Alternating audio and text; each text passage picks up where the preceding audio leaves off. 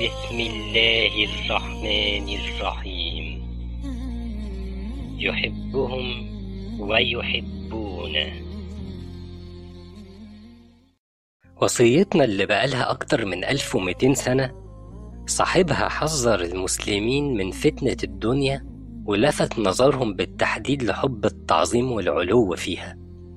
إن الناس تعظمك إنك تكون حريص على المناصب علشان الناس تعظمك أكتر مش علشان تعمر الأرض لوجه الله. وبعدين اختار صاحب وصيتنا من وسط المجتمع العلماء وقال إن دول أهم مجموعة وإن بصلاحهم يصلح المجتمع وبفسادهم يفسد المجتمع. والمرة دي صاحب وصيتنا كان أكتر تحديدا في وصفه لأكبر مظهر من مظاهر حب الدنيا ألا وهو حب المال وجمع المال. وإحنا قلنا قبل كده إن جمع المال محمود في الإسلام طالما جمع بالحلال وطالما أنفق في حلال وطالما لم يلهي صاحبه عن ربه وعن دينه وعن زكاته وطالما صاحب المال مدرك إنه مال الله في يده إلى آخره طب هم المسلمين النهاردة ده حالهم؟ هم علماء المسلمين النهاردة ده حالهم؟ تخيل إن صاحب وصيتنا ناقش علماء عصره من أكتر من 1200 سنة في نفس الحجج اللي علماء المسلمين النهاردة بيقولوها علشان يبرروا بيها جمعهم للمال. تخيل.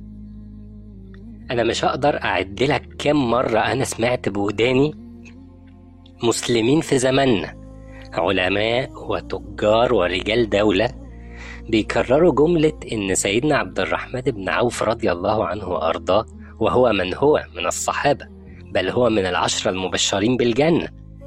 كان غنيا وكان يجمع المال. فصاحب وصيتنا بيقول لعلماء زمانه من 1200 سنة إن ده كلام فارغ وإنهم كده اغتابوا الصحابة رضي الله عنهم وأرضاهم واغتابوا سيدنا عبد الرحمن بن عوف رضي الله عنه وأرضاه. أما إن سيدنا عبد الرحمن بن عوف كان غنيا فده أمر مفروغ منه. أما إنه كان بيجمع المال فده غير صحيح. بس قبل ما يكلمهم عن سيدنا عبد الرحمن بن عوف صاحب وصيتنا سأل المتحججين بيه هو أنتوا قدوتكم ومثلكم النبي عليه الصلاة والسلام اللي لما توفي ما سابش غير بغلته وسلاحه وقطعة أرض جعلها صدقة لله ولا سيدنا عبد الرحمن بن عوف. النبي صلى الله عليه وسلم اللي قال لو كان لي مثل أحد ذهبا. يعني لو عنده فلوس صلى الله عليه وسلم قد جبل أحد. لسرني أن لا تمر عليها ثلاث ليال وعندي منه شيء.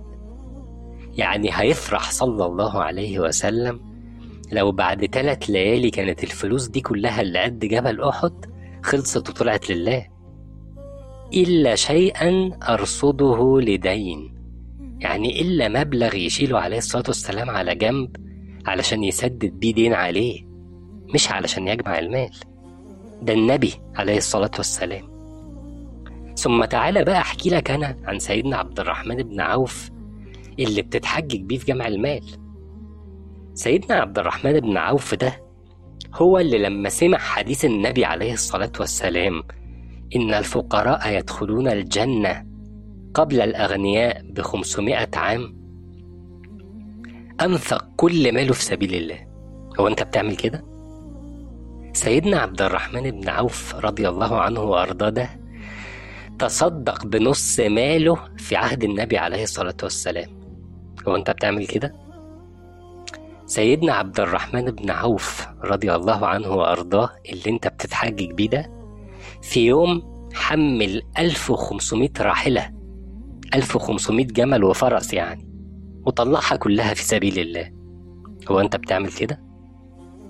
سيدنا عبد الرحمن بن عوف رضي الله عنه وأرضاه مين ده اللي أنت بتتحجج بيه في جمع المال وفي إسرافك في مظهرك وملبسك ومأكلك. سيدنا عبد الرحمن بن عوف رضي الله عنه وأرضاه هو اللي بعد وفاة النبي عليه الصلاة والسلام لما زاروا بعض الصحابة في بيته فقدم لهم خبز ولحم ياكلوه بكى.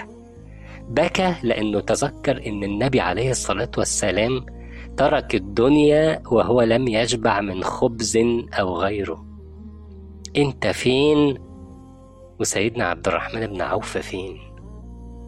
اللهم لك الحمد على نعمة الإسلام وكفى بها نعمة.